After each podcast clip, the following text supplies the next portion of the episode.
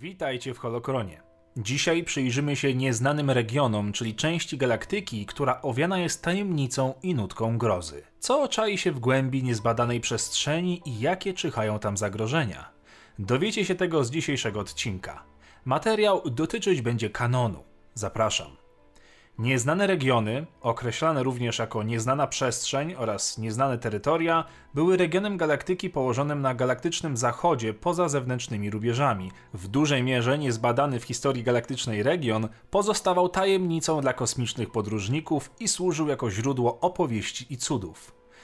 Dla tych, którzy żyli w nieznanych regionach, region ten był znany jako chaos. Resztę galaktyki znali jako mniejszą przestrzeń. Chaos był bardzo niebezpiecznym miejscem do nawigacji z powodu supernowych, czarnych dziur, studni grawitacyjnych i jeszcze dziwniejszych, mniej wytłumaczalnych zjawisk.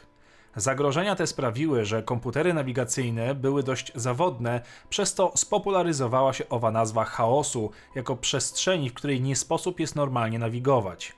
Z powodu takich niebezpieczeństw ludy nieznanych regionów wykorzystywały do nawigacji nawigatorów wrażliwych na moc, osoby obdarzone mocą pregognicji. Kiedy nawigatorzy byli niedostępni, długie podróże w hiperprzestrzeni musiały odbywać się krótkimi skokami. Swoją drogą, ta kanoniczna wersja podróży jest bardzo mocno inspirowana podróżami międzyplanetarnymi z Duny Franka Herberta.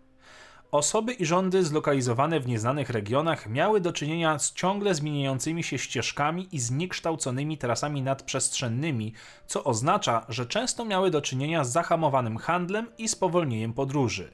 Różne rządy chaosu regularnie korzystały z usług gildii nawigatorów, która wysyłała wspomnianych wrażliwych na moc nawigatorów do nawigowania dla płacących klientów. Nawigatorzy gildii byli związani przysięgą poufności i nie mogli dyskutować o niczym, co widzieli podczas pracy dla klientów z nikim innym niż owy klient. Chisowie przykładowo używali dzieci, najczęściej dziewczynek, by te były nawigatorkami. W czasie galaktycznej wojny domowej nieznane regiony były uważane za niezbadany region, który był oddzielony od galaktyki labiryntem burz słonecznych, magnetosfer, czarnych dziur i studni grawitacyjnych. Wiadomo też było, że jakieś dziwne stworzenia zamieszkują ową pustkę.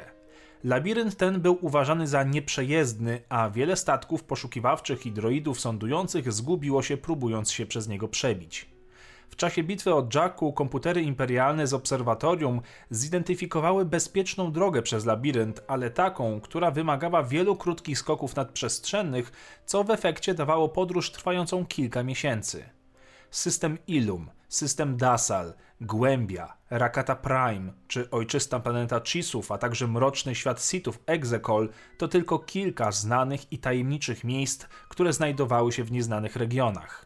Wodny świat Anto, miejsce pierwszej świątyni Jedi, również był tam położony. W regionach znajdowała się również mgławica Kueluchan. Zgodnie z legendami Chisów, nieznane regiony nie zawsze były zbiorem ciągle zmieniających się ścieżek i pokręconych tras nadprzestrzennych, tak jak w erze Republiki. Legendy głosiły, że na początku podróży kosmicznych podróżowanie między gwiazdami regionu było tak łatwe jak zwykłe podróżowanie, ale tysiące lat wcześniej seria supernowych rzuciła ogromne ilości masy z prędkością bliską prędkości światła między gwiazdy, niszcząc asteroidy, całe planety, a nawet wywołując więcej wybuchów supernowych.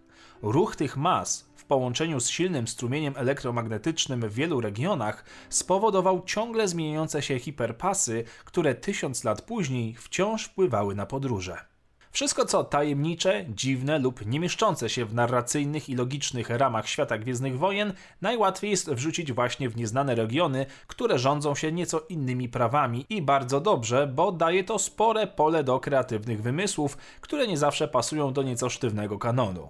To tyle ode mnie na dzisiaj, dziękuję za oglądanie, dajcie znać o czym chcecie kolejne odcinki, wbijajcie na inne moje kanały oraz Discorda, uszanowanie dla patronów serii i niech moc zawsze będzie z wami.